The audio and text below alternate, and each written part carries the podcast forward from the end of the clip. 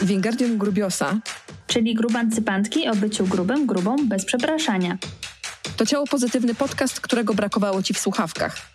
Pierwsza polska audycja o grubości i innych wstydach, dzięki której zobaczysz społeczno-polityczny kontekst życia w grubym ciele w zupełnie nowym świetle. Rozmawiają Ula, czyli Galanta Lala, i Natalia, czyli Nataszeks. Cześć. Witamy w szóstym odcinku trzeciego sezonu o Wingardium Grubiosa. W poprzednim odcinku, w którym mówiłyśmy o inspiracjach, o fajnych, miłych rzeczach i o tym, jak robić grumancypację dobrze, Natalia zapowiedziała, że odcinek o raporcie to nie był koniec e, trudnych e, tematów na, na ten sezon. I zgodnie z obietnicą chciałam w ogóle podejść ten temat, e, wiecie, z e, zaskoczenia, ale to w sumie potem sobie pomyślałam, że nie ma sensu, bo i tak e, w tytule widać, o czym będziemy dzisiaj rozmawiać i kto z nami będzie. Dzisiaj w odcinku podejmiemy temat Auschwitz grubych nie było. Jest to temat, który nam wypłynął dosyć mocno w momencie pracy nad raportem to było coś, co mnie kompletnie zaskoczyło, bo o ile spodziewałam się trudnych historii związanych ze zdrowiem, o tyle zaskoczyło mnie, że tak często wśród tych odpowiedzi pojawiał się wątek e, porad lekarskich typu proszę przestać jeść, w Auschwitz grubych nie było, proszę mi przestać mawiać, że e, schudnąć się nie da. I mnie to bardzo wkurzyło. Warto zaznaczyć, że ja nie jestem specjalistką od historii i moja wiedza jest taka, powiedziałabym, dosyć przeciętna. E, I mimo tego nie mieści mi się w głowie do tej pory, że w ogóle lekarz może w takim kontekście używać takiego porównania. I o tym sobie dzisiaj porozmawiamy.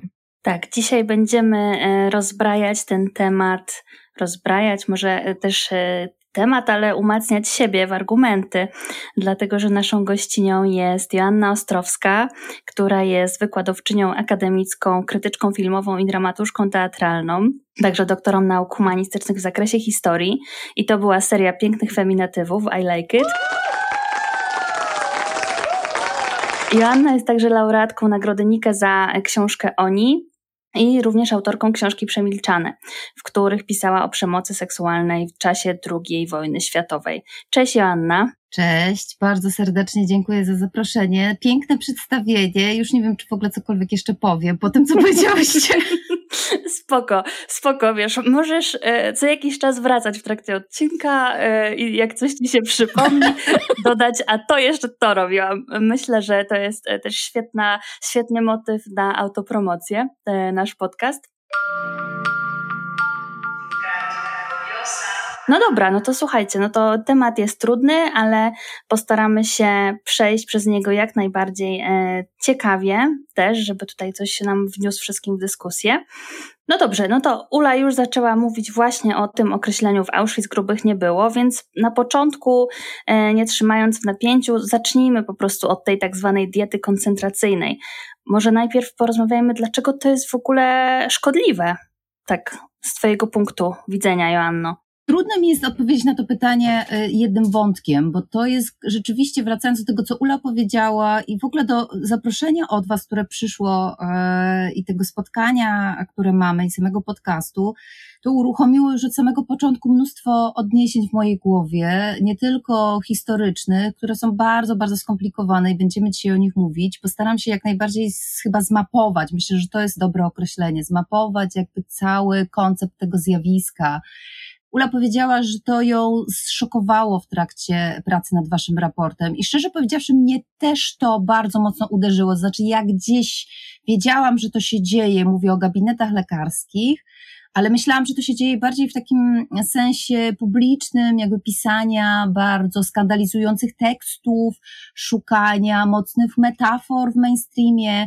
a nie, że dochodzi do sytuacji, w której ktoś rzuca, bo to chyba jest najlepsze określenie, takim mm, argumentem w, w gabinecie lekarskim. Ale później przypomniała mi się, przygotowując się do waszego podcastu i jakby zastanawiając się, co bym chciała, jakich przykładów na przykład chciałabym użyć, y, przyszło to do mnie bardzo szybko, że w sumie to też gdzieś w jakimś sensie jest moje doświadczenie, to znaczy biograficzne, to znaczy, że to gdzieś jest związane z moim dzieciństwem, czy z moimi czasami nastoletnimi, jakby uruchomiło mi się automatycznie, że moja mama do mnie mówiła, e, tylko troszeczkę w kontrze, to znaczy mówiła do mnie, że jestem, że wyglądam jako święci. To jest ta metafora, która jakby e, zaczęła mi dzwonić w uszach, to znaczy gdzieś tam została wyparta. I to raz było oczywiście w jakimś kontekście powiedziałabym, zabawnym, takiego żartu, a z, ale gdzieś tam tliło się, w tle pojawiało się odniesienie, że to jest już coś, co jest bardzo, bardzo niebezpieczne. Ale zwróćcie uwagę, że ta metafora była bardzo żywa. I to jest coś, co pokazuje chyba, jak bardzo w polskim społeczeństwie brakuje wiedzy na temat tego, co działo się z ciałem ludzkim, jakie były doświadczenia więźniów i więźniarek, jeżeli chodzi o cielesność, seksualność, um, jeżeli chodzi o kwestie związane z taką, no, nazwijmy to, codziennością na każdym możliwym poziomie w obozie koncentracyjnym. I od razu poprawka w różnych obozach koncentracyjnych. Bo zarówno u mnie, jak i w tych um, przykładach, o których wspominałyście, tym takim um, symbolicznym miejscem i tą symboliczną nazwą, która automatycznie konotuje o co chodzi, jest Auschwitz Święcin. No i to jest bardzo duże uproszczenie, bo po pierwsze w różnych obozach koncentracyjnych, w różnych momentach historycznych było różnie i to dotyczy diety, to dotyczy warunków, to dotyczy form prześladowczych, to dotyczy form eksterminacyjnych i tak dalej, i tak dalej. Stąd to określenie, od którego Natalia zaczęłaś, ta dieta koncentracyjna, to mnie już w ogóle bardzo rusza w sensie te, tego nazewnictwa, ponieważ no, to po pierwsze nie była dieta, to był stan wyżywienia i bez względu na to, czy y, myślimy tutaj o tej grupie, która ją przygotowywała, czyli o sprawcach, czy myślimy o więźniach, którzy skorzystali z tych systemów żywieniowych, e, no to to są dwie różne jakby sprawy Y, żebyście mnie też dobrze zrozumiały, tu rzeczywiście nawet na, na poziomie dokumentów mamy takie dokumenty, pisze o tym na przykład Katarzyna Okoniecka, która pracuje nad zjawiskiem głodu w obozie Stutthof i ona wskazuje po prostu konkretne dokumenty, które się zachowały w archiwum, które mówią o tym, jak powinien wyglądać stan wyżywienia więźniów, którzy pracują na przykład mało, którzy pracują wiele godzin, którzy e, pracują ciężko. No i to wszystko rzeczywiście zachowało się w, formie takich tabel, które były prze, przekazywane do komendantury i na podstawie tego wysyłano zapotrzebowanie. Ale jak to bywa z życiem codziennym w obozach koncentracyjnych, e, teoria to jest jedno, a praktyka to jest drugie. I to jest, e, to jest chyba podstawowy błąd. Jeżeli bym miała wskazać jeden taki podstawowy błąd, który tutaj się pojawia, no to to jest jakby patrzenie na tę dokumentację, o której teraz powiedziałam, jako na pewną receptę. Bo powiedzenie, że ktoś dostawał e, kubek kawy rano na śniadanie w obozie koncentracyjnym, no to ta kawa nie wyglądała tak. Ja wiem, że to są dość, powinny być, ale chyba nie są dość logiczne kwestie. To, to nie jest ta kawa, którą, nie wiem, pijemy dzisiaj, czy pito w latach 30., czy pito w latach 40. To po prostu była taka rozcieńczona lura, mniej czy bardziej, jakiś płyn, Zofia Posmysz, jedna już nie żyje, jedna z więźniarek Auschwitz-Birkenau mówiła, że część tego kubka e, wypijała rzeczywiście, a część używała do tego, żeby obmyć sobie twarz, bo w pewnym momencie ważniejsze było dla niej, żeby po prostu mieć czystą twarz. Ludzie mieli różne też strategie przetrwania, nie liczyła się, nie liczyło się tylko i wyłącznie jedzenie, liczyła się kwestia też tego, żeby to ciało jakoś po prostu utrzymać w jakiejś formie. No tutaj są przeróżne historie, myślę, że do części będziemy dzisiaj wracać. Ale no, na tym przykładzie kawy czy chleba, bo to jest też dobry przykład, jakaś nawet mała czy duża ilość chleba w diecie obozowej, no to to nie był chleb, który był przygotowany w taki sposób, jak sobie wyobrażamy, bo w tym chlebie było wiele mniej mąki, jeżeli w ogóle była, były trociny, jakieś śmieci. Więźniowie wymieniają przeróżne rzeczy, które były tam pakowane, żeby po prostu skonstruować, bo chyba to jest dobre słowo, upiec taki, no taki właśnie e, erzac, o to jest dobre określenie zresztą um, tutaj um, pasujące, e, taki erzac tego, co miało symbolizować chleb. Także całe to na tych dwóch przykładach, kawy i chleba, tak samo, czy zupy, czy marmolady, tysiąca innych produktów, które się tam pokazywały, no to w papierze one wyglądały inaczej, a w rzeczywistości inaczej. Także trudno jest, e, podsumowując, powiedzieć komuś, że ma stosować dietę obozową, koncentracyjną i e, po prostu dostosowywać się do takich, a nie innych sytuacji, no bo to jakby uderza w jakąś taką podstawową logikę e, na wielu możliwych poziomach. Jednej rzeczy nie powiedziałam, e, ale też jakby gdzieś tam pewnie zmyślnie, to znaczy nawiązując do tytułu naszego dzisiejszego podcastu, że grubych gdzieś nie było, prawda?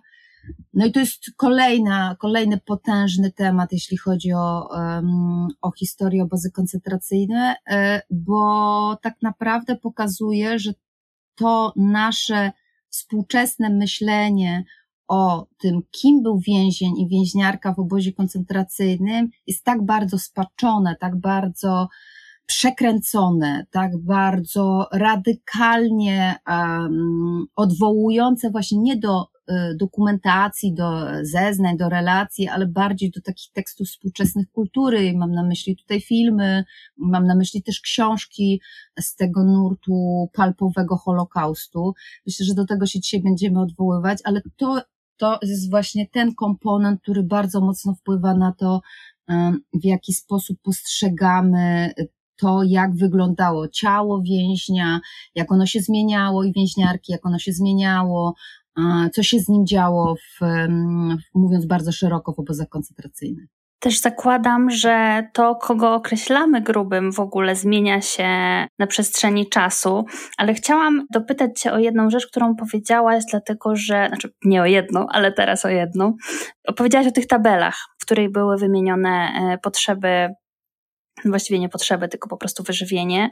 Czy było jakieś, zachowało się jakieś uzasadnienie, dlaczego akurat w takiej tabeli w tym miejscu jest taka, jest taka rzecz, w drugim miejscu jest taka rzecz? Jak, jakie to były te uzasadnienia?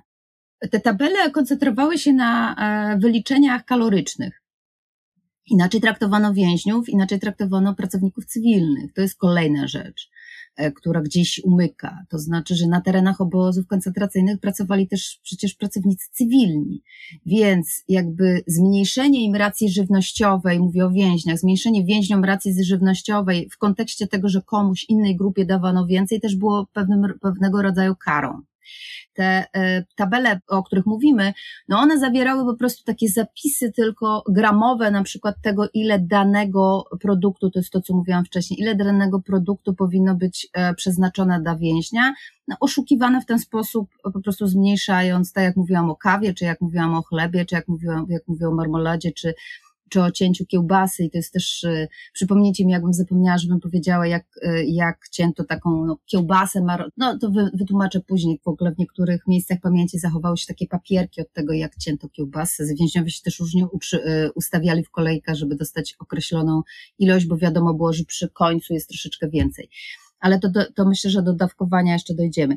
Natomiast na jakiej zasadzie to powstawało? Powstawało to w ten sposób, że po prostu ustalono gdzieś z góry, jaka ma być ilość pokarmów, która była przekazywana dla więźnia, który ma wypracować pewien, pewien, znaczy ma być pewien sposób pracy wydajny. I to jest jakby coś, co znowu y, rusza gdzieś w podstawach, y, rusza nasze spojrzenie i naszą świadomość tego, czym był obóz koncentracyjny, obóz pracy i tak dalej, i tak. Globalnie w takim dyskursie publicznym, myśląc obóz, myślimy od razu o obozie śmierci. No nie do końca. Dokładnie tak jest z kompleksem obozowym Auschwitz-Birkenau-Monowitz, bo to jest taka nazwa, której się powinno używać. Używamy KL Auschwitz, ale powinniśmy myśleć o tym jako o kompleksie obozowym, dlatego że to był obóz hybrydalny, w którym spełnia, który spełniał bardzo różne funkcje. Koncentracyjną, był to też obóz pracy i był to też obóz zagłady. A my gdzieś, ze względu na to, że oczywiście to jest to doświadczenie, które jest najbardziej traumatyczne też w dyskursie powojennym, tę ostatnią funkcję jakby konotujemy, myślimy o niej jako o tej no jedynej, która tam była. Tam ludzie też żyli, mówiąc brutalnie. Ja wiem, że to strasznie brzmi, ale żyli i pracowali. I byli wykorzystywani, eksterminowani w sposób pośredni też za pomocą pracy, no i za pomocą tego zjawiska, które, które zresztą jest badane, też o tym później powiemy, czyli choroby głodowej. No i to właśnie na tej grupie systematycznie, odwołując się do tych tabel, o których mówiłaś, na tej grupie systematycznie ćwiczono, mówiąc w sposób brutalny, ile pokarmu trzeba dać, żeby wydajność więźnia wzrosła, wydajność w pracy.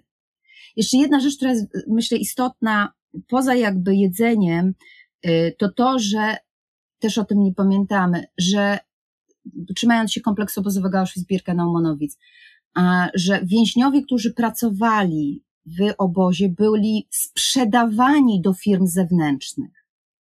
Czyli IG Farben, y, koncern, dzięki któremu powstały tak naprawdę Auschwitz III Monowice, kupował od komendantury poszczególnych więźniów. Tych, którzy, tak zwanych zwykłych więźniów, którzy nie mieli, nie byli zawodowymi więźniami, w sensie nie byli ślusarzami i tak dalej, i tak dalej. Tu można wymienić różne, e, różne um, zawody. Kupowano za trzy Reichsmarki, dwie i pół Reichsmarki, coś w tym stylu, natomiast e, tych, którzy byli wykwalifikowani za cztery Reichsmarki. Więc to wszystko jakby też było w takim bardzo określonym systemie. No i ci, którzy byli wykwalifikowani, automatycznie dostawali lepsze jedzenie, czyli ten próg kaloryczny był wyższy, plus od pewnego momentu, od 1941 roku wprowadzono tak zwany system premii. Tych systemów było mnóstwo, ja się skoncentruję na jednym, ale jeśli myślę mnóstwo, to bardzo często było tak, że w różnych jednostkach, w różnych obozach różnie starano się te systemy rozwijać. Na przykład w obozach pracy na, w, Kato, w okolicach Katowic był system czysto kaloryczny. To znaczy, im, im większą, im więcej wypracowałeś, wypracowałaś w trakcie dnia, tym dostawałeś więcej jedzenia. Im mniej, to spadałeś. W Auschwitz wprowadzono pięć, pięciostopniowy system, wcześniej był trójstopniowy i on się opierał głównie na jedzeniu i dodatkach. I zobaczcie, to dobrze, ja nie będę ich wszystkich jakby wymieniać, tylko powiem o te, w, jakim one, w jakiej one były hierarchii, ale zobaczcie, jak to mocno wpływało na życie takie codzienne więźnia, bo o tym rozmawiamy i na jego ciało.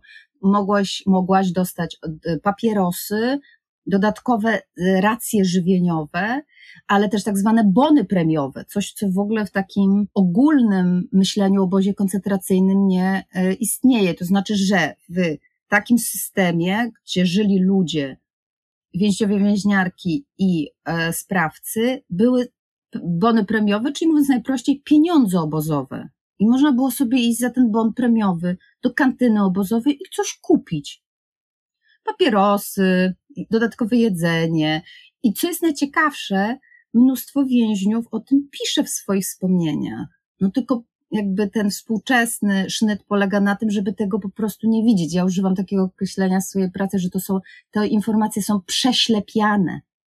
Tak jak prześlepiani są różni, różnie wyglądający ludzie, tak jak prześlepiani są różne, e, różne doświadczenia związane właśnie z cielesnością, seksualnością itd., tak itd. Tak Kończąc ten system premii, bo to jest w sumie chyba najlepsza, najlepsza odpowiedź na, na Twoje pytanie, chodziło o to, żeby, to, po niemiecku to się nazywa akord system, żeby jakby podnieść wydajność pracy więźniów przez prezenty. Prezenty w postaci właśnie tych rzeczy, o których powiedziałam. Tam jeszcze było możliwość noszenia włosów dla więźniów aryjskich, czyli jakby nie golono ich, nie golono im głów. Kolejna rzecz to y, możliwość wymiany listów i tutaj jest ich więcej, bo najczęściej, jeżeli chodzi o więźniów aryjskich, to były dwa listów i paczek, a tutaj pojawiły się cztery i tak dalej, i tak dalej. I na koniec jeszcze jedna rzecz, o której nie powiedziałam. To wszystko, co teraz mówię, dotyczy tylko i wyłącznie więźniów aryjskich. To nie dotyczy więźniów żydowskich. Czyli Polacy mogli też dostawać paczki, Żydzi nie. No i to jest ta podstawowa rzecz, która wielokrotnie komuś uratowała życie. Jest fenomenalny zbiór dokumentacji, listów w archiwum w Krakowie z roku 41 i 42, gdzie poprzez jedną z organizacji pomocowych rodziny, które zostały Kraków, okolice, piszą do tej organizacji pomocowej z prośbą o to, żeby przesłać do obozu albo do więzienia na Montelupich jakiś przedmiot, jedzenie i tak dalej do swoich bliskich. To są naprawdę poruszają, bardzo poruszające teksty. Ludzie tam na początku wysyłają, wiecie, kapcie, koszule i tak dalej, i tak dalej. Ale gro to jest jedzenie. Bierzemy pod uwagę, że ci cywile i cywilki, którzy tam wysyłali do rodzin te produkty, też nie mają ani co jeść, ani jak zdobyć tak dalej, tak dalej, ale próbują coś wysłać, przesłać. I część tych paczek dochodzi. Więc to był taki kolejny sposób na to, żeby rzeczywiście, tak mówili więźniowie w obozach gwarzy obozowej, żeby wskoczyć na ten wyższy poziom, czyli z, Grzesiuk o tym pisze, Stanisław Grzesiuk w Pięć lat kacetów, takich swoich wspomnieniach, które bardzo polecam, żeby stać się wyżartym. I żebyście, żeby to, to wybrzmiało, to było pozytywne określenie. To nie było coś, co, co, um, czego używano w jakimś pejoratywnym sensie. Nie, jeżeli więzień był wyżarty, to miał szansę przeżyć. To był zresztą ten punkt, do którego dążono, żeby przetrwać w obozie. Grzesiu to fenomenalnie opisuje, myślę, że jeszcze do tego wrócimy, to, to powiem Wam na tym przykładzie, e, jego zresztą przykładzie więźnia, który był w trzech obozach koncentracyjnych, e, prawie pięć lat, przeszedł całą tą, tę drogę i tę drogę opisuje właśnie na poziomie swojego ciała. Najpierw tracenia wagi, później przyjmowania wagi i tak dalej, i tak dalej. Tego, jak tę pozycję obozową w tej hierarchii obozowej zyskiwał. I jeszcze jedno określenie z gwary obozowej. Wszyscy więźniowie więźniarki organizowali sobie jedzenie. I znowu, nie było to pejoratywne określenie, to było pozytywne określenie, zorganizowanie sobie bez względu na to, jak, jak, w jakiej, czy ktoś ukradł, czy nie i tak dalej, i tak dalej, to organizowanie było kwestią przetrwania. I to się też pojawia we wszystkich, we wszystkich, no w większości relacji o życiu codziennym w obozie. I teraz zobaczcie, kilka, po kilkunastu minutach to ten cytat, ja sobie pozwolę przeczytać cytat, bo po prostu mam go przed oczami z naszego raportu, cytat z lekarki, że polecę pani najlepszą dietę koncentracyjną, czarny chleb i woda. Ludzie w obozach koncentracyjnych ją stosowali i trzymali niezłą formę, zawsze szczupli.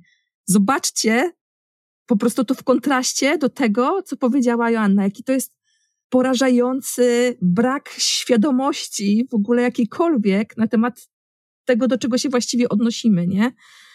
Nieprawdopodobne taka czar, czerni biel, nie? Bo to jest niby coś, coś, jakby kompletny brak zrozumienia doświadczenia e, obozowego, co tym bardziej jest ciekawe przy e, lekarzach, ale być może po prostu e, no nie są zainteresowani tym. Dlaczego? Dlatego, że to wszystko, co ja Wam teraz opowiadam, gdzieś to jest moje doświadczenie, które zdobyłam, czy wiedza, którą zdobyłam nie tylko z relacji więźniów i więźniarek, ale też przede wszystkim z badań lekarskich. I Natalia wspomniała przy moim biosie, że napisałam taką książkę przybliczane Seksualna praca przymusowa w czasie II wojny światowej. I w sumie tak, tak naprawdę moje bohaterki y, z pufu obozowego, z obozowego domu publicznego, to były też te, te więźniarki, które były wyżarte, y, mówiąc tamtymi określeniami. I to było, na tym poziomie też one były odrzucone po wojnie. Nie zmienia to faktu, że e, szukając materiałów do tej książki, korzystałam z e, przeglądu lekarskiego, czyli czasopisma lekarskiego, które po dzień dzisiejszy jakby możemy, ono jest dostępne online w całości, to się bardzo, bardzo rzadko zdarza. Zdawałoby się, że coś, po co łatwo sięgnąć, nie? Tak, znaczy, i co jest najśmieszniejsze, są też niektóre teksty po angielsku, po, po niemiecku, ale co, co, co próbuję powiedzieć? Że w tym przeglądzie lekarskim raz, y, jeśli dobrze pamiętam, y, raz w, roku, raz w roku był tak zwany numer auschwicki. I to z czego to wynikało? Bo część ludzi, którzy pracowali przy przeglądzie lekarskim, to byli też lekarze, którzy pracowali w obozach, w rewirach. Czyli byli więźniowie, więźniarki, którzy w trakcie wojny pracowali w tak zwanych szpitalach obozowych, czyli w rewirach, więc obserwowali, mieli to doświadczenie że tak powiem, zapisane w swojej biografii, czy e, właśnie kwestie choroby głodowej, eksterminacji pośredniej poprzez właśnie głód, bicie, też jeśli chodzi o eksterminację pośrednią, tutaj wchodzi jeszcze kwestia pracy, e, do tego też jeszcze wrócę, ale, ale to, to byli ludzie, którzy zapisywali swoje, swoje doświadczenie, nie tylko doświadczenie swoich pacjentów, ale często też swoje, co nie zmienia faktu, że oni jako lekarze obozowi byli w tej hierarchii obozowej wyżej, byli na funkcjach. I to z przeglądu lekarskiego pochodzi większość tych rzeczy, o których mówię też, jeżeli chodzi o badania już powojenne, które robiono 10-15 lat później, konfrontując, zbierając różną, różne grupy więźniów, kobiet, mężczyzn, przeprowadzając badania dotyczące przeróżnych rzeczy, nie tylko wagi, chorób, nie wiem, gruźlicy, to są, to są setki wręcz tekstów, nawiązujące często do tego doświadczenia obozowego, ale też pokazujące, jak zmieniało się ciało, ale też kwestie, tutaj w kwestie psychologiczne wchodziły, psychiatryczne, już w, w pewnych okresach e, powojennych. Też w przeglądzie lekarskim znalazłam też e, badania dotyczące seksualności więźniów, czyli już na przykład w, latach 60. pytano o osoby nieheteronormatywne, o doświadczenia homoseksualne w obozach i tak dalej, i tak dalej. Zawsze e, anonimowo, ale pytano. Więc to jest dla mnie najbardziej uderzające, że ta e, wiedza tak naprawdę jest. Plus e, jest fenomenalna badaczka w Polsce, doktor habilitowana Maria Ciesielska, która zresztą no, dosłownie na dniach miała swój wykład w Muzeum Polim w Warszawie, on był online też dostępny, o chorobie głodowej akurat w getcie warszawskim, ale ona się zajmowała wieloma innymi kwestiami związanymi właśnie z, z tą medycyną, to się mówiło o medycynie obozowej, tak, czy też doświadczeniach pseudomedycznych. Tutaj jest ten jej zakres jest bardzo szeroki, więc wiecie, takich odwołań mam mnóstwo, to gdzieś ta wiedza żyje, ona funkcjonuje, to nie jest ukryte, to próbuję też powiedzieć. I tak, i to właśnie to nie jest sekret, bo akurat na to, na to spotkanie, o którym powiedziałaś, o chorobie głodowej w getcie warszawskim, w ogóle miejsca się jakoś bardzo szybko skończyły i jak ktoś przegapił moment otwarcia zapisów, to w ogóle już jakby wiem, że nie dało się zarejestrować. I to jest z jednej strony myślę sobie, że zaskakujące i niesamowite, a z drugiej strony w ogóle mnie to też nie zaskakuje w kontekście badań, e, które aktualnie wychodzą na temat grubości, nie? że jednak ta odmowa korzystania z tych materiałów, które są dostępne, jeśli są dostępne, jakby ciężko w nią uwierzyć, że ona się dzieje naprawdę, nie? I do, do takiego do takiego stopnia. E, ale wspomniałaś właśnie, bo, bo tutaj zaczęłyśmy też e, ten wątek e, choroby głodowej, ale też eksperymentów związanych z żywieniem w obozach. To jest dla mnie w ogóle bardzo też ciekawy wątek, no bo oprócz tego życia codziennego i tego codziennego wyżywienia, no to rzeczywiście to było też takie ogromne pole doświadczalne. E, I to mnie ciekawi. Tak, ogromne pole doświadczalne i jakby też taka kwestia, która, mm, która gdzieś nam umyka, bo z, zobaczcie, znowu od tego, czego zaczęłam, to znaczy, że e, do tego przez lata, no to są już dekady, do tego, e, znaczy naświetlane są te zjawiska, które wydają się najbardziej radykalne. Ja nie mówię, że to jest złe, natomiast jakby nie mamy takiego, takie, takiego zmapowania terenu, jeżeli chodzi o, o zjawiska. Y, I znowu, no tutaj ogromny wpływ ma, mają teraz współcześnie przez ostatnie, powiedzmy, ostatnią dekadę, ale to nie jest pierwszy raz. Te wszystkie książki, y, które ja nazywam literaturą palpową, czyli taką literaturą um, śmieciową dotyczącą Auschwitz. Ja się zawsze śmieję, że to jest ktoś z Auschwitz, bo to są tytuły tych książek typu, no nie będę wymieniać. Golibroda z Auschwitz. Dok, dziękuję, dziękuję Ci za pomoc. To jest naprawdę porażające dość, e, co, co się dzieje, bo to jest taki świat, który jest gdzieś tam mm, wymyślony na takich najprostszych opozycjach i kompletnie nie różnicuje tego, kto jest tam przedstawiany, w jaki sposób jest przedstawiany. I zobaczcie, ja zaczęłam e, nasze dzisiejsze spotkanie od tego swojego, powiedzmy, doświadczenia, to znaczy tego, jak mówiła do mnie moja mama, ale to jest rzeczywiście taki obraz, który nam się kojarzy y, najbardziej, który gdzieś się wyświetla jaka taka klisza, czyli to takie zmasakrowane ciało y, w chorobie głodowej, które zresztą po, jest, my mamy źródło tego, to znaczy, jeżeli chodzi o kompleks obozowy Auschwitz-Birkenau-Monowitz, to jest dokumentacja fotograficzna, E, która została zrobiona, sporządzona przez radziecką ekipę lekarską, kiedy tworzyli zaraz po wyzwoleniu obozu w styczniu 1945 roku, tworzyli raport lekarski dotyczący tej grupy więźniów, która została w obozie, która przeżyła w obozie. Ale zapominamy, i rzeczywiście byli to ludzie naprawdę w tragicznym stanie zdrowotnym. To, też jest duży problem dla części naukowców dzisiaj, czy wolno pokazywać zdjęcia, e, tego typu zdjęcia. Raczej nie, natomiast to się cały czas dzieje. I to jest ta klisza, która jest w naszej głowie a propos tego, jak ta społeczność obozowa wyglądała. I teraz spróbując ją rozbroić naprawdę na szybko, to jest potężny temat, ale tak na, na takich naprawdę podstawowych rzeczach. Ta, za, w każdym obozie były tak zwane marsze śmierci, to znaczy część ludzi po prostu wypychano z obozu przed, ponieważ zbliżała się Armia Czerwona, wypychano i przetransportowywano do kolejnych obozów. Zostawali ci, którzy nie byli w stanie albo już iść y, ze względu właśnie ich, na, ich stan zdrowia, i tak dalej, i tak dalej. To już zmienia to badanie, prawda? Ja nie mówię, ja bynajmniej nie podaję pod wątpliwość cierpienia i stanu tych ludzi, nie. Po prostu próbuję zmapować i rozgraniczyć trochę, pokazać, że to doświadczenie było zupełnie inne. Więc ci, co byli w stanie pójść, po prostu przesuwano ich na zachód. Więc ich Komisja Radziecka nie zbadała, czy też zbadała ich inna komisja w innym obozie, gdzie zostali wyzwoleni i już byli w innym stanie. To jest pierwsza rzecz. Druga rzecz, nawiązując do, do tytułu naszego, naszego dzisiejszego podcastu, no przecież ludzie też cały czas przyjeżdżali do obozu, byli transportowani do obozu, czas, czasem z tak zwanych obozów pośrednich, takich obozów tranzytowych, ale często przecież to też widać w wspomnieniach byłych więźniów i więźniarek. Przyjeżdżali ludzie, którzy często zostali zabrani z ulicy z jedną, z jednym, e, nie wiem, w jednym płaszczu z torebką i to byli bardzo różni ludzie. E, więc tutaj to mnie najbardziej chyba gdzieś uderzyło, że ta grubość kompletnie niknie w momencie, kiedy mamy te trans, transporty, które przyjeżdżają do obozu.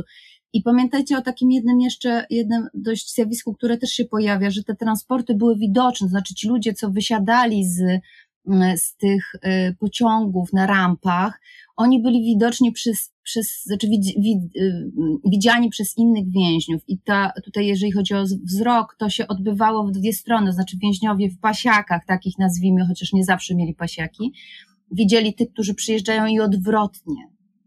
Więc samo myślenie o tym, że jeżeli przyjeżdża osoba gruba w transporcie do, do obozu i jakby, nie wiem, magicznie natychmiast po prostu traci tą wagę, tak używając tego naprawdę radykalnego określenia, o którym powiedziałaś, y, tej lekarki, i co po prostu przy, przechodząc automatycznie na tę na te dietę, nazwijmy ją koncentracyjną, traci swoją wagę po prostu jak za dotknięciem czarodziejskiej różki. Przecież to był proces. I to jest kolejne, kolejna kwestia niewiedzy, bo każdy więzień, więźniarka, którzy przyjeżdżali, byli transportowani do obozu, nie odra- jeśli w ogóle byli wyselekcjonowani do pracy, to nie trafiali od razu na jakąś, do jakiegoś e, komanda pracy, tylko byli na tak zwanej kwarantannie czyli nie, nie pracowali wtedy. To jest jeden z najcięższych momentów, dlatego że więźniowie byli pozamykani w takich, e, w, w barakach, nie pracowali, dostawali jakieś bardzo nikłe wyżywienie, ale to był ten moment przyjęcia, bo ta kwarantanna, jak sama nazwa wskazuje, miała pokazać, czy ktoś jest chory, żeby nie rozprzestrzeniać chorób. Natomiast no, w, w praktyce tak naprawdę, to była teoria, w praktyce chodziło o to, żeby też te słabsze jednostki po prostu zmarły, ale żeby też przy, przy przygotować e, tych ludzi do tego, jak ten system wygląda. Nie wchodzę w ogóle w różne grupy, w różne czasy, w różne, e, w różne miejsca, w których, w których to, o czym rozmawiamy, się, się rozgrywało, ale to podstawowe rozróżnienie jakby kompletnie zostało usunięte, wymyło się, nie funkcjonuje. A to jest gdzieś ta opowieść, od której wszystko się powinno zaczynać. Chciałabym poruszyć taki temat. E, oczywiście będziemy jeszcze rozmawiać e, o obozach, ale chciałabym poruszyć temat generalnie wojny. To znaczy, że w przekazach wizualnych o wojnie raczej nie widujemy tych grubych osób, na przykład grubego żołnierza w mundurze. I ja sobie trochę e, poszukałam też w internecie, czy w ogóle jest taki temat. I znalazłam oczywiście przekazy ze Stanów Zjednoczonych, tak, że właśnie, że jakieś do, do, w 2015 roku, że 10% osób, które chciały się zrekrutować do wojska, nie zostały przyjęte ze względu na no, interpretowaną przez nich jako nadwyżkę wagi. Z ostatnich miesięcy już to jest 20% mężczyzn i 40% kobiet, które nie dostały się do wojska z tego powodu. I też dalej doszłam do tego, że e, w przypadku wojny w Wietnamie odbył się taki eksperyment, taki projekt, jak projekt 100 tysięcy, czy nazwany też od e, nazwiska jednego z generałów, zdaje się, McNamara Morons, czyli głupki McNamary. I to, były, to byli mężczyźni, to byli żołnierze, którzy w jakiś sposób nie przyrastali do tej normy, mhm. E, która sprawiała, że oni byli uznawani jako sprawnego żołnierza, czyli to były na przykład osoby, to były na przykład osoby grube, ale też osoby z niepełnosprawnością intelektualną. E, I ten, ten projekt jest uznawany za porażkę generalnie, ale też zastanawiam się w tym wszystkim, że właśnie jak rozmawiamy o wojsku, to też rozmawiamy tak naprawdę o czasach pokoju, czyli jakimś takim treningu. Mhm. w wielu miejscach, trenowaniu do, do, tego, do, te, do tego, co nazywamy wojną, ale jednak e, kiedy się wojna zdarza, to jednak jest pobór i wszyscy walczą. Oczywiście, że tak. No właśnie, więc, e, no więc jak e, z tej perspektywy, jak, jak ty widzisz właśnie te przekazy wizualne o wojnie i jakie ciała są pokazywane, skąd możesz to brać? Rzeczywiście super, że, że zwróciłaś na to uwagę, że to nie jest tylko i wyłącznie druga wojna światowa. E, to, to, to, uproszczenie, które gdzieś tam po, pojawia się na poziomie wizualnym, polega na tym, że też jeśli chodzi o wojnę jako konflikt zbrojny, to muszą działać bardzo mocne e, klisze bo inaczej jakby uważa się, że ten przekaz jest niezrozumiany. I jeżeli chodzi o Holocaust Studies, to jest taki perfekcyjny przykład, mm, który dotyczy takiego serialu amerykańskiego, w którym zresztą grała Meryl Streep główną rolę, pod tytułem Holocaust. I e, Janina Struk pisze o tym w takiej e, bardzo fajnej książce Holokaust w fotografiach, fajnej w sensie badawczym, znaczy pokazującej właśnie gdzieś tam, gdybym, gdybyś mi zadała to pytanie, poprosiła mnie o jeden tytuł, to myślę, że wybrałabym właśnie Janinę Struk. Wracając do samego serialu. Zdecydowano się zrobić ten serial kilka dekad po wojnie, ponieważ w Stanach jakby świadomość tego, co się stało w okresie II wojny światowej była bardzo niska. Ludziom zadawano proste pytanie, co to jest Holokaust? i nikt nie wiedział, co, znaczy nie, po prostu powiadano, że nie wiadomo, co to jest. Chodziło już o te pokolenia urodzone po wojnie, które jakby, nawet jeśli y, w ich rodzinach byli, byli więźniowie, to oni najczęściej nie mówili, bo to jest też taka, takie przekonanie, które gdzieś, znaczy taka zasada, która gdzieś funkcjonowała, to znaczy, że swoim dzieciom, przeżywcy, ocaleńcy, swoim dzieciom um, nie opowiadało o swoich doświadczeniach, natomiast to, tym pokoleniem, które mogło słuchać i które słuchało, były dopiero wnuki. Ale wracając do samego serialu, e, zdecydowano się zrobić serial, który był taką, nazwijmy go, popkulturową wydmuszką. Do tego stopnia, że Meryl Streep, która jest akurat graniemkę um, w tym serialu, ale jej mąż jest Żydem, zostaje zabrany, bardzo upraszczam, ale zostaje zabrany do obozu, przetransportowany do obozu koncentracyjnego i ona decyduje się, że do, do, niego pojedzie go odwiedzić. Jest taka scena, jak podchodzi do bramy obozowej, akurat bocznej, nie zmienia to faktu, że podchodzi do tej brady obozowej i mówi do strażnika, dzień dobry, przyjechałam odwiedzić swojego, swojego męża. I on tam, no nie jest zbytnio zadowolony, ten strażnik, ale po prostu pozwala jej wejść i ona się spotyka ze swoim mężem w obozie koncentracyjnym. Więc wiecie, tutaj jakby mm, to, ten, ten serial był rzeczywiście zbudowany na e, gigantycznej ilości klisz. I to jest o tyle dobry, dobry przykład, bo to było to, co najlepiej zadziałało, najszybciej zadziałało. I jak już rozmawiamy o ciele, do tego stopnia, że w trakcie, kiedy był puszczany w amerykańskiej telewizji, przerwach na reklamy ludzie biegli do ubikacji, więc jest dużo takich zapisów, że brakowało wody, bo spuszczali wodę z puczce, więc y, był tak po prostu, y, tak oglądany, nie? ale to pokazuje też dobrze, że gdzieś tam potrzebujemy wizualnie takich bardzo prostych przekazów, w sensie radykalnie. Jeżeli ktoś był w obozie, musi mieć pasiak. Ja o tym wspomniałam. To jest coś porażającego, bo więźniowie nie zawsze, więźniowie, więźniarki nie zawsze mieli pasiaki. Dlaczego? Z prostych rzeczy, bo tego materiału nie było po prostu. Więc często nosili, i, te, i to jest bardzo mocne doświadczenie, wracam do tych transportów, które przywożone były do obozy, nosili y, ubrania po kimś, kto przyjechał. Jest fenomenalna historia Haliny Birenbaum, która jest transportowana z jednego do obozu do drugiego i rzuca się, więźnia, więźniowie, więźniarki tak mówili, że rzucało się szmaty, że mm, strażnik rzucał szmaty i trzeba było po prostu walczyć o to, wyrwać jakąś, jakiś ciuch i zacząć go nosić. I Birenbaum pisze, że jej jako dziewczynce kilkunastoletniej po prostu trafiła się wieczorowa suknia z bufami. No i to jest coś, co sobie nie jesteś w stanie wyobrazić, jak myślisz o codzienności e, obozowej. Ta suknia była dla niej za duża oczywiście i tak dalej, i tak dalej. E, w Polsce to się powoli zaczyna zmieniać. Karolina Sulej napisała taką książkę Rzeczy Osobiste i to jest coś, coś jedno z takich źródeł, które gdzieś poka pozwala pokazać e, nie tylko na poziomie właśnie ubrań, rzeczy osobistych, ale właśnie tego, o czym dzisiaj rozmawiamy, czyli że jak to grubych ludzi nie było. No, to jest też moje doświadczenie porażające, jeżeli chodzi o, o pracę badaczki. Niedaleko miejsca pamięci Auschwitz-Birkenau jest taka, takie mniejsze miejsce pamięci, to się nazywa Fundacja Pobliskie Miejsca Pamięci i dotyczy tych tak zwanych obozów satelickich. Znajduje się w miejscu, które chyba jest większości ludzi znanym, bo to jest, e, chodzi o Budybór, czyli taki podobóz, w którym między innymi była właśnie Zofia Posmysz. I to był podobóz kobiecy.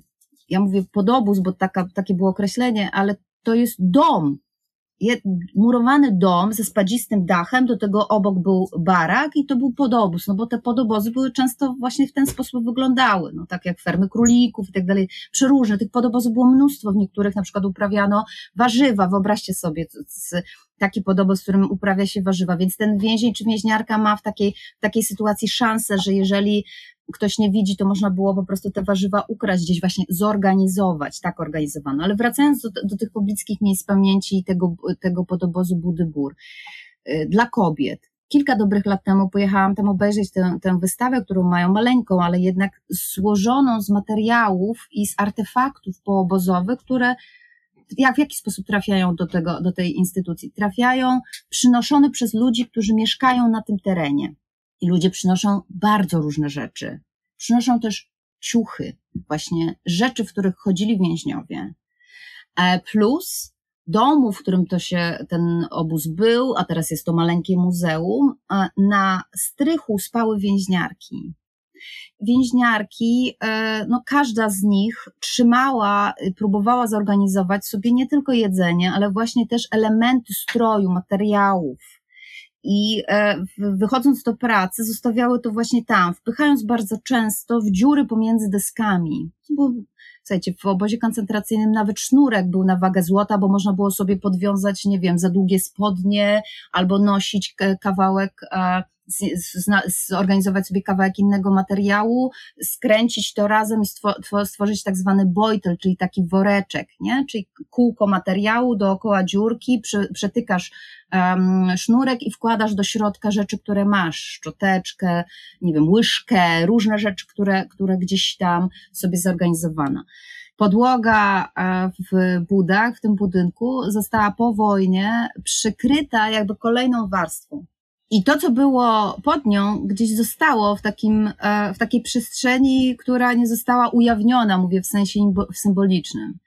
E, I po jakimś czasie, po kilkudziesięciu latach, odkryto tą podłogę, więc wszystkie te artefakty, które gdzieś tam po tych więźniarkach pozostały, no, przetrwały praktycznie, no nie chcę powiedzieć w, nie, w niewzruszonym stanie, ale, ale przetrwały w takiej, w, w, czymś, co, co chyba jest bardzo rzadkie w miejscach pamięci, bo po prostu no, nie było tam dostępu y, powietrza i tak dalej, i tak dalej.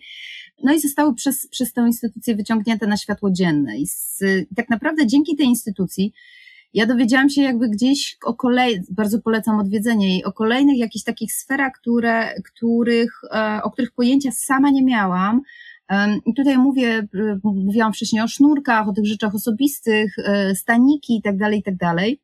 No ale to tam gdzieś trafiłam właśnie na te wszystkie opowieści, które dotyczą wracając do tej metafory, którą tam, którą gdzieś tam stworzyłam, to znaczy ludzie przyjeżdżający do obozu w transportach e, i nawet weźmy taką modelową bohaterkę w postaci e, grubej, przyszłej więźniarki, która przyjeżdża do obozu, zmienia się jakby wszystko w jej życiu w tym sensie i to doświadczenie jest w miarę uniwersalne, to znaczy jest pozbawiona ubrań e, cywilnych, jest pozbawiona włosów, wchodzi w ten system obozowy, udaje jej się przetrwać ten okres kwarantanny i oprócz tego, że to jedzenie jakby jest mniejsze, to wszystko, o czym dzisiaj rozmawiamy, no to też jest narażona i to jest taki punkt, o którym się zapomina, jest narażona na, e, na to, że musi rzeczywiście wykonywać pracę ponad normę.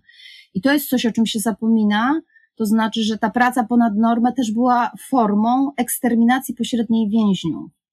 Tylko, tak jak wracając do tego, o czym dzisiaj rozmawiałyśmy na samym początku, to znaczy nie tylko dieta, w cudzeskach mówię, koncentracyjna, ale kilka innych punktów, które wpływało na to, co działo się z tym ciałem.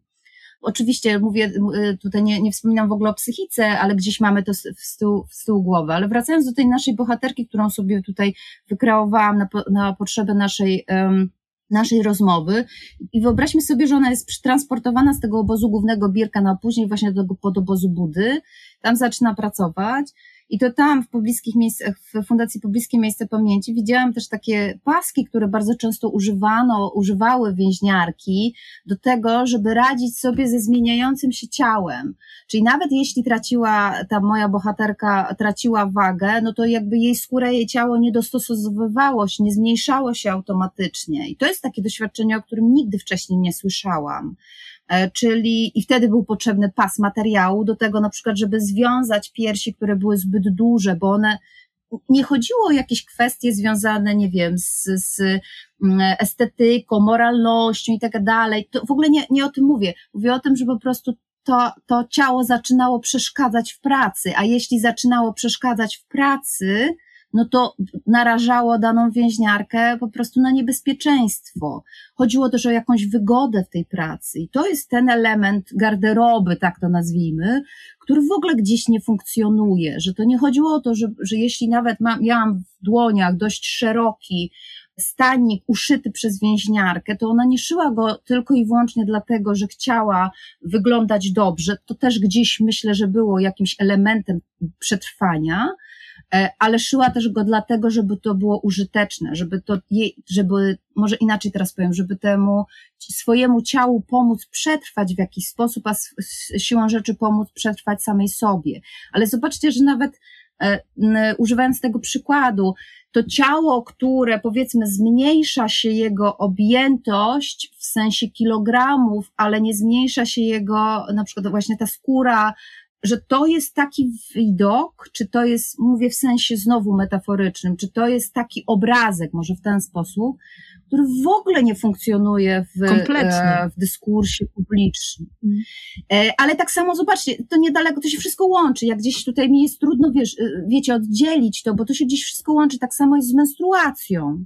To znaczy mówi się, to, ten temat od lat y, załatwia się w bardzo prosty sposób. Tyk nie było. Więźniarki miały znowu tak słabe wyżywienie, że po prostu traciły menstruację.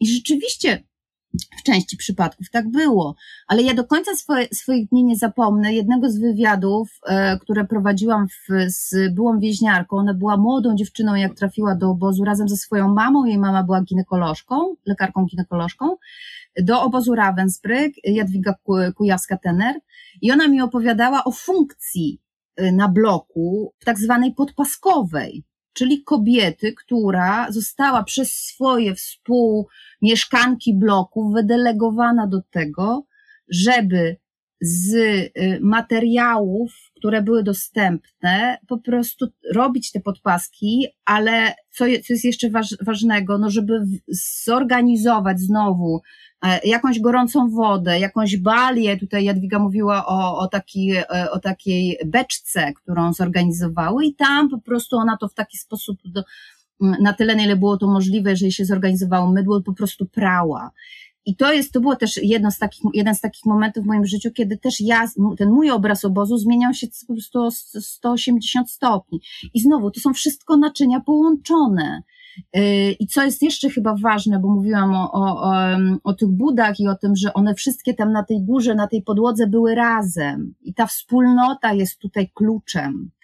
E, żeby sobie wzajemnie pomagać. To jest coś, co, czy jeżeli co, y, tak się też wymieniano, na przykład ubraniami, to jest coś, co też, y, co też nam się wydaje, że nie, nie, funkcjo, nie funkcjonuje, ale gdzieś jest przemycane przez, w niektórych wspomnieniach więźniów, czyli, że tak jak mówiłam o Halinie Birenbaum, ona dostała za dużą tę sukienkę, więc szukała takiej więźniarki, żeby się wymienić z nią, tak?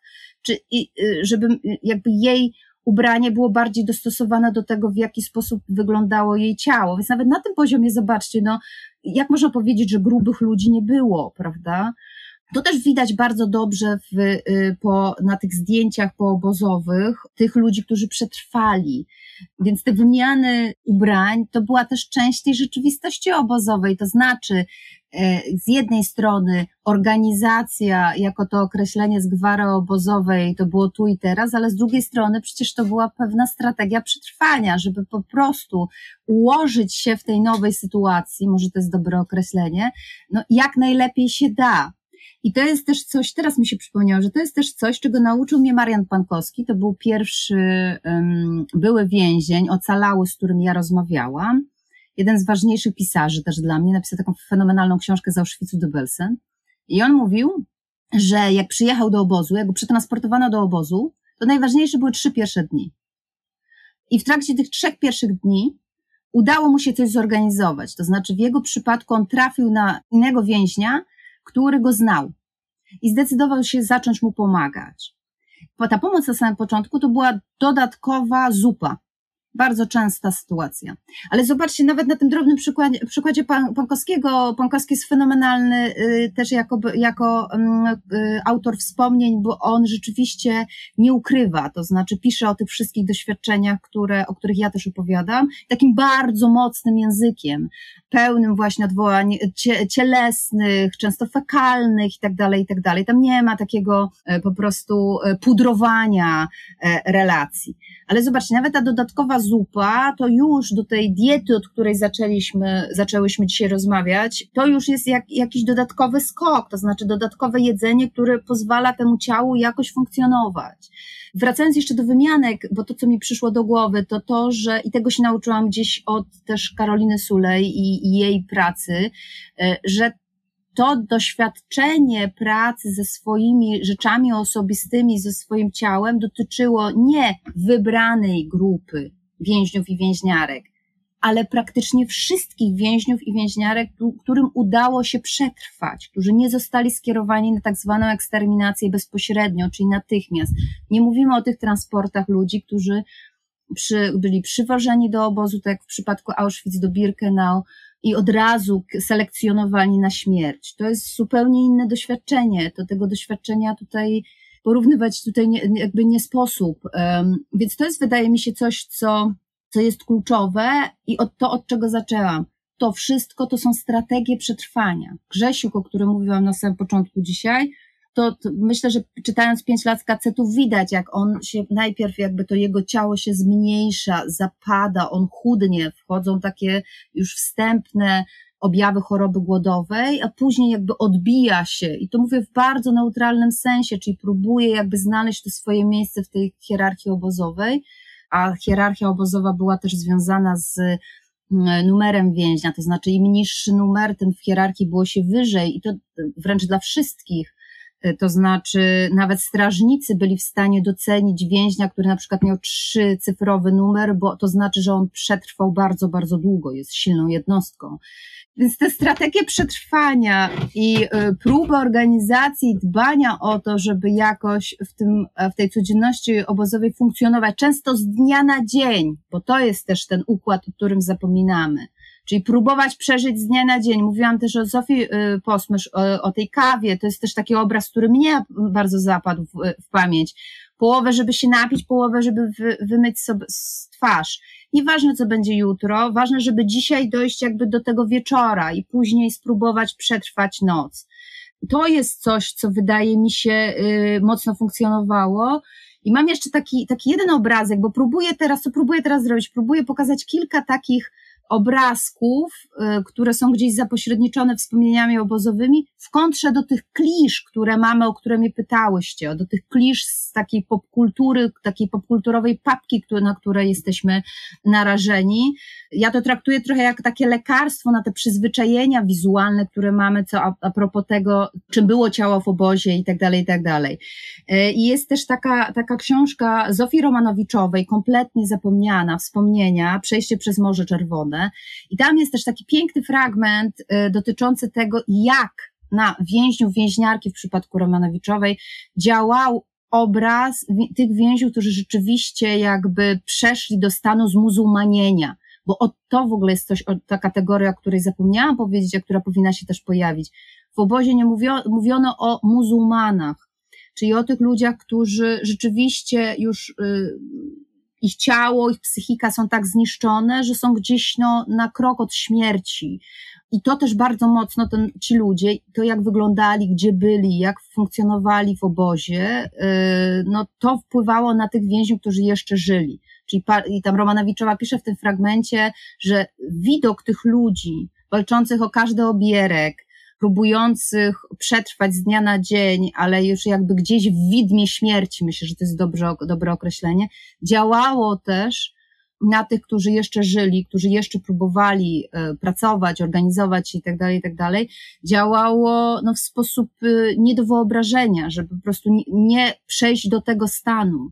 Grzesiu też często o tym wspomina, że um, próbowano nie dopuścić, żeby nie dopuścić do tego, żeby przejść do tego stanu zmuzułmanienia, bo stamtąd często już nie było powrotu. I to są te najbardziej takie dramatyczne, mocne historie, które gdzieś tam moim zdaniem powinny, czy wymagają przede wszystkim szacunku, jakby opisu takiego, który, e, który no nie korzysta z tego, z tych klisz, do których jesteśmy przyzwyczajeni. To jest znów powrót do tego, co mówiłam o tych zdjęciach z, z Komisji Radzieckiej, to znaczy dzisiaj naszym zadaniem nie jest jakby korzystanie z tych e, wizerunków i jakby naświetlanie e, tej historii obozowej tylko przez ten pryzmat. O tych ludziach trzeba pamiętać, e, o tej historii trzeba mówić, ale gdzieś nie, nie czyszcząc tego obrazu z zewnątrz, czyli to mapowanie tej społeczności obozowej powinno się opierać na różnorodności. Ostatnia rzecz, którą powiem do tego, to to, że też gdzieś tam na to wszystko nakładała się hierarchia obozowa i ja nie mówię o hierarchii obozowej, w którym e, biorę pod, udział, pod uwagę strażników. Ja mówię o społeczności obozowej, w której była hierarchia i pewne klasy. Była arystokracja obozowa, była taka tak zwana klasa średnia, najczęściej, e, to jest najczęstsze doświadczenie, no i były te tak zwane, znowu w gwarze obozowej, doły. No i to, to są ci ludzie, którzy nie mieli żadnego wsparcia, ratunku, nie było żadnych paczek dla nich, e, no i oni jakby gdzieś tam trudno im było przeżyć w tej społeczności obozowej i często jakby to oni umierali w, w ramach tej, tego procesu eksterminacji y, pośredniej najszybciej. W polskim dyskursie zdążyliśmy się przyzwyczaić do tego, że te, ta klasa arystokratyczna, tak ją nazwijmy, arystokracja obozowa, funkcje, no to bardzo często byli ci źli ludzie, którzy jakby w jakiś tam sposób wykorzystywali słabszych więźniów. No nie do końca, no i to też dobrze widać właśnie w, w wspomnieniach, czy Posmysz, czy właśnie Grzesiuka Romanowiczowej, no, że często e, ludzie na funkcjach pomagali innym. I to jest też doświadczenie Grzesiuka. On w pewnym momencie właśnie wyszedł, odbił się w tej hierarchii obozowej, stał się członkiem orkiestry obozowej, więc automatycznie jego dieta znów się zmieniła. Odpowiedzialność i uczciwość tam polegała na tym, że jeśli ty masz to próbuj, jeśli tobą się opiekowano, jeśli tobie dawano, tak jak o Pankowskim mówiłam, ten dodatkowy talerz zupy, to twoim obowiązkiem jest opiekować się teraz, jeśli możesz, kolejnym. Jestem ci w ogóle, Joanna, ogromnie wdzięczna za to, co, to, co opowiadasz, bo naprawdę dla mnie, czy takiej, wiecie, statystycznej uli, która nie, nie specjalizuje się w poznawaniu historii, tym bardziej historii obozowej, to jest tak naprawdę to, to, co mówisz dzisiaj, to jest pierwsze spotkanie z codziennością, w ogóle jakby newsflash, że istniała codzienność, że istniały te realia, to, to, to, to życie z dnia na dzień, że to się działo, że to, bo ja rzeczywiście absolutnie przyglądając się tym kalkom, które ja mam w swojej głowie, to dla mnie po prostu właśnie hasło Auschwitz to jest dokładnie ten transport, który jedzie na stracenie. E, I jakby w ogóle nie, też w mojej głowie nie było takiego e, myślenia, że tam po prostu ludzie funkcjonowali na co dzień i, i że jakoś sobie w tych realiach trzeba było radzić. To jest dla mnie nieprawdopodobne, bo dzisiaj w ogóle oczy otwarte e, jak e, rzadko kiedy, e, ale naprawdę to, to jest po prostu taka, nie, już nie będę tego ciągnąć, bo będę w kółko powtarzać to samo. Także po prostu dziękuję. To ja dziękuję. Ja z kolei mam te najbardziej znane, tak chyba mogę powiedzieć, książki Joanny Przemilczane i Oni, które bardzo polecam waszej uwadze też Joanna, Joanno, ty robisz taką świetną robotę właśnie przywracania mm, perspektyw te, które, tych, które są ukryte których się po prostu nie uczymy w szkołach. E, tak jak mówiłaś też o tej menstruacji, że kto by się tym przejmował, kto by się przejmował perspektywą osób menstruujących, prawda? I właśnie wokół tego mam taką, tak się zastanawiam, mam taką refleksję, jak w ogóle rozmawiać o historii, jak przedstawiać historię, żeby uwzględnić jakieś nasze dzisiejsze konsensusy antydyskryminacyjne, czyli dzisiaj, no, w takim tempie, w jakim, w jakim idzie, ale jakoś idzie, uwzględniamy coraz więcej doświadczeń, widzimy, że świat jest coraz bardziej skomplikowany, różnorodny i tak dalej, a czasami, kiedy patrzymy na wojnę, na doświadczenie tak ekstremalnych przekroczeń i tak ekstremalnej przemocy, nam to umyka. A jeśli nam to umyka, to znaczy, że znowu widzimy jakieś domyślne doświadczenie. Więc y, takie, które najbardziej, nie wiem, przebija się, jest w narracji politycznej, do, dobrze odbierane i tak dalej. Więc właśnie, pytanie, jak rozmawiać o tej historii, żeby to uwzględniać? To jest oczywiście bardzo trudna odpowiedź, to znaczy yy, gdzieś tam jeden z najważniejszych takich motywów mojej pracy yy, zawodowej, jak jakie znaleźć narzędzia do tego, żeby trafić z tymi e, tematami do jak najszerszej e, publiczności. Ja się nie boję tego słowa publiczności czy audytorium, bo wydaje mi się, że to jest walka i to też ta metafora wojenna jest tutaj jak najbardziej na miejscu. To jest walka o to, żeby e, z roku na rok, z dekady na dekadę jednak przekazywać tą wiedzę o doświadczeniu wojennym już bez świadków, bo zobaczcie, ja cały czas dzisiaj rzucam e, porównaniami jednak do osób, które, których już nie mamy. Mówię o, świadkach i świadkiniach. Już nikt nie jest w stanie sprawdzić tej opowieści, więc ta opowieść, ona się nie będzie rozrastać, ona się będzie zmieniać w sensie takim bardziej właśnie radykalizować, to znaczy zostaną tylko te doświadczenia, które wydają nam się najbardziej jaskrawe. Nie będzie też miejsca, żeby te doświadczenia wzbogacać. I y, zapytałaś mnie o, w ogóle o bardzo szeroko o dyskurs antydyskryminacyjny, ale też tak naprawdę o grupy wykluczane. I to jest coś, co wydaje mi się, coś, co wydaje mi się jakby kluczowe, to znaczy, podsumowując, w polskim dyskursie historycznym wszelkie inności, są nie tylko marginalizowane, ale niewidoczne. Ja mówię w sensie historycznym, czysto.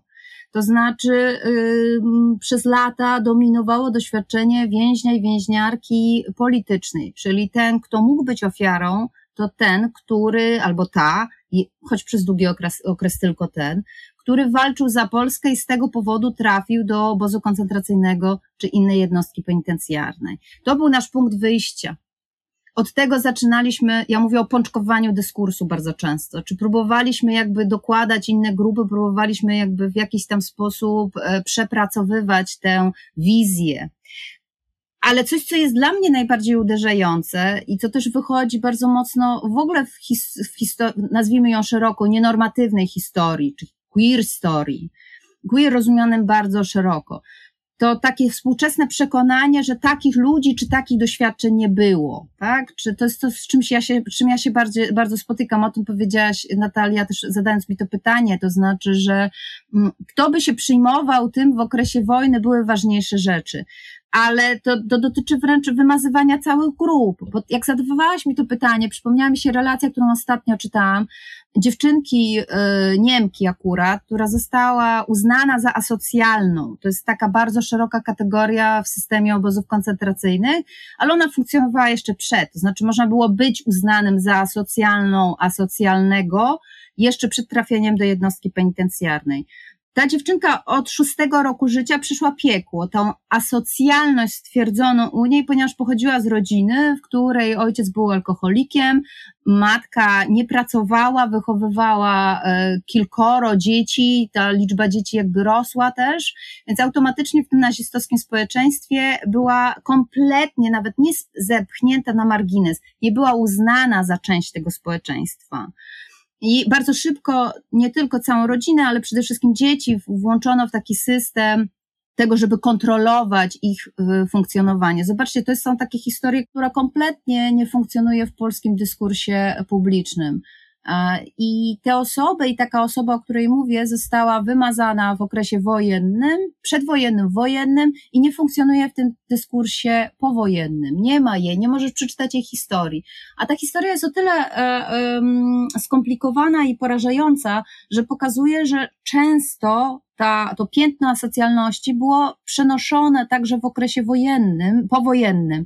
I to jest to, o czym mówiła Natalia wcześniej, to znaczy, że rozdzieliłaś to na wojnę i pokój. Część tych osób, o których mówimy dzisiaj, o których ja wspominałam, to są ludzie, który, których dla których wojna nie skończyła się w 45, mówiąc bardzo metaforycznie. Często jakby to, do jakiej grupy zostali zaliczeni, funkcjonowało także w okresie e, powojennym. Ta dziewczynka sześcioletnia, o której mówiłam, jej asocjalność też została w pewien sposób rozpoznana, oprócz tego, co mówiłam o jej rodzinie, o jej rodzicach, została w pewien sposób rozpoznana też dlatego, że była grubsza niż inne swoje koleżanki. Więc to nie był żebyście mnie dobrze zrozumiały, to nie był główny powód do tego, żeby ją zaliczyć do, do, do takiej grupy, ale biorąc pod uwagę wszystkie wcześniejsze, to też wpływało na to, w jaki sposób państwo nazistowskie ją, w, w, ją zakodowało.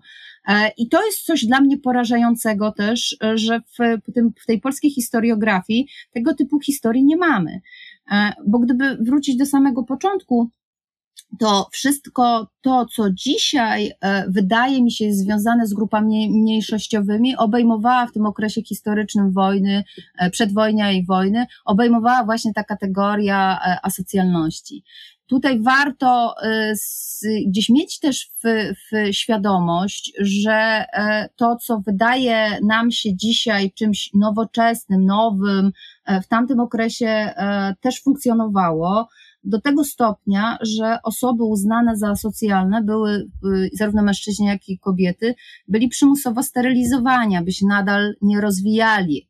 E, I to jest coś, czego też gdzieś tam w, tym, w tej opowieści, w, tym, w tej, w tej y, dyskusji brakuje. Więc teraz wyobraźmy sobie, jakby w kontrze, wyobraźmy sobie dzisiaj wszelkie grupy które nie są, których doświadczenia nie są naświetlone, osoby z niepełnosprawnością fizyczną, osoby um, chore psychicznie, osoby z niepełnosprawnością intelektualną, osoby w kryzysie bezdomności i tak dalej, mogłabym wymieniać i wymieniać.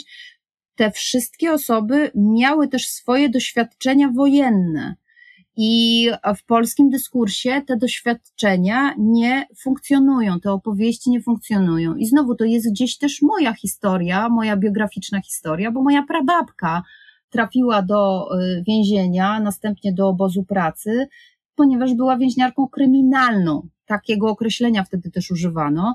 I jako więźniarka kryminalna, ponieważ złamała prawo, handlowała mięsem, nielegalnie handlowała mięsem. Więc automatycznie przez system e, nazistowski została zaliczona do grupy tych, którzy nie tylko łamią prawo, ale też nie powinni funkcjonować nawet w społeczeństwie okupacyjnym. Jej doświadczenie powojenne jest takie, że przez po pierwsze, przez całe życie nikt nie powiedziała o tym, co działo się z nią w okresie II wojny światowej, po drugie, nigdy nie poprosiła o pomoc, bo nie, nigdy nie zostałaby uznana za ofiarę. No i to jest ten background, bo to próbuję powiedzieć na bardzo, bardzo różny, różnym poziomie, że to jest ten background, który bardzo często dzisiaj mają mniejszości y, i grupy dyskryminowane w Polsce. Są praktycznie pozbawione historii. I to jest coś, co wydaje mi się ogromnie wpływa też na, na dzień dzisiejszy, bo zobaczcie, e, w całej tej e, kampanii homofobicznej, a w ostatnim roku, dwóch latach transfobicznej, która funkcjonuje w polskim dyskursie publicznym, chodzi o to, żeby wskazać to, o czym mówiłam wcześniej, Takich ludzi i takich historii nie było, takich ludzi i takich rzeczy nie, nie było w polskim społeczeństwie. One pojawiły się po roku 90. I to jest ta nitka narracyjna, która ustawia dyskryminację też. To nie jest nasze doświadczenie w sensie, polskie doświadczenie, o tym mówię. Tak się ustawia tę transfobiczną, transfobiczną politykę. E, nie ma historii, nie ma przeszłości, to jest coś, co przyszło z zewnątrz. Skąd jest cała opowieść o tęczowej zarazie właśnie pochodzi z tego. I to jest coś, co wydaje mi się jest takim punktem stycznym, punktem wspólnym doświadczenia grup dyskryminowanych w Polsce. Usilna chęć pozbawienia um, ich historii, pamięci, e, przeszłości. To się powoli oczywiście zmienia. E, coraz więcej historyków e, społecznych, historyków, osób zajmujących się, tak powiem inkluzywnie, osób zajmujących się historią społeczną, historią codzienności, próbuje opisać to doświadczenie, ale to wszystko jest, na to wszystko jest jeszcze znaczy to wszystko jest za wcześnie, za mało. Każdy z nas powinien jakoś gdzieś też liczę na to, że te młodsze pokolenia będą starały się uzupełniać te luki. To są takie luki historyczne, które gdzieś mają szansę zmienić naszą perspektywę i podsumowując, mają szansę też stać się gdzieś tam kontrapunktem dla takich opowieści, od których rozpoczęłyśmy sobie dzisiejsze nasze spotkanie, które kompletnie nie mają nic wspólnego z wiedzą historyczną, ale też z pewną empatią, empatią do świadków, do ofiar, do przeżywców, e, do tych osób, które doświadczyły e, prześladowania w okresie II wojny światowej. A o tym szacunku z drugiej strony mówi się bardzo często, ale ja mam takie wrażenie, że, że kompletnie e, bez jakiejś świadomości tego, co tak naprawdę ten szacunek znaczy. Dzięki Ci wielkie Joanno, że połączyłaś się z nami z drugiego końca świata e, niemalże, żeby opowiedzieć nam o tym i opowiedzieć wszystkim osobom, które nas słuchają, o tej perspektywie codzienności, o perspektywie rozmiaru ciała i w ogóle tego, co się z ciałem dzieje w kontekście obozowym i wojennym. E, także jesteśmy Ci bardzo wdzięczne. Ale też chciałabym e, też, żeby na koniec wybrzmiało to, z czym zaczynałyśmy, co, co nas motywowało e, do nagrania tego odcinka, czyli takie, taka zachęta do podjęcia refleksji nad szkodliwością tego, dlaczego w ogóle mówimy o, o Święcimiu w kontekście dyscyplinowania kogoś w tym momencie do podjęcia zmian w swoim ciele. Pamiętajmy o tych wszystkich rzeczach, o których mówiła Joanna. Ja jestem niesłychanie e, Ci, Joanna, wdzięczna za to, co robisz, za to, że chciałaś z nami dzisiaj porozmawiać, bo mam takie głębokie przekonanie, że e, ten odcinek i te rzeczy, e, o których nam dzisiaj opowiedziałaś, pozwolą ludziom, um, oczywiście tym, którzy posłuchają odcinka, spojrzeć na te, na te swoje uprzedzenia, które w sobie mamy, na te klisze, które, które funkcjonują w naszych głowach, um, z nowej perspektywy i zobaczyć, jak, jak dużo jeszcze mamy do uzupełnienia w tym, co wiemy o świecie. To ja jeszcze powiem na koniec, że bardzo Wam serdecznie dziękuję za zaproszenie y, i mam nadzieję, że rzeczywiście wszystko, o czym mówicie, się sprawdzi w jakimś tam przynajmniej drobnym procencie, bo każda wątpliwość zasiana dzisiaj przez tę naszą rozmowę co do tego, co widzi się na ekranie, jakie ogląda się zdjęcie, co czyta się w tej literaturze palpowej, w literaturze popularnej dotyczącej e, obozów, każda taka wątpliwość to już jest pewne zwycięstwo i mam nadzieję, że ta nasza dzisiejsza rozmowa zmieni to postrzeganie i ten wizerunek e, więźnia, więźniarki obozowej, e, w szczególności w kwestii właśnie ciała, w kwestii tego, co z tym ciałem się dzieje, E, I e, mam nadzieję, że następnym razem taka sytuacja, jak, jak od której zaczęłyśmy, y, takie sytuacje, o które, które opisywałyście w raporcie, już nie będą y, po prostu y, możliwe i że każdy z takich lekarzy zastanowi się następnym razem używając takiej metafory e, i, i rzeczywiście dyscyplinując, próbując dyscyplinować czyjeś ciało nawiązaniami do Auschwitz. Dziękujemy, że nas słuchasz. Jeśli Ci się podobało, już dzisiaj możesz wesprzeć realizację kolejnych odcinków na patronite.pl łamane na Wingardium Grubiosa. Znajdziesz nas także w mediach społecznościowych na małpka wingardium.grubiosa. It's Grubiosa, not Grubiosa.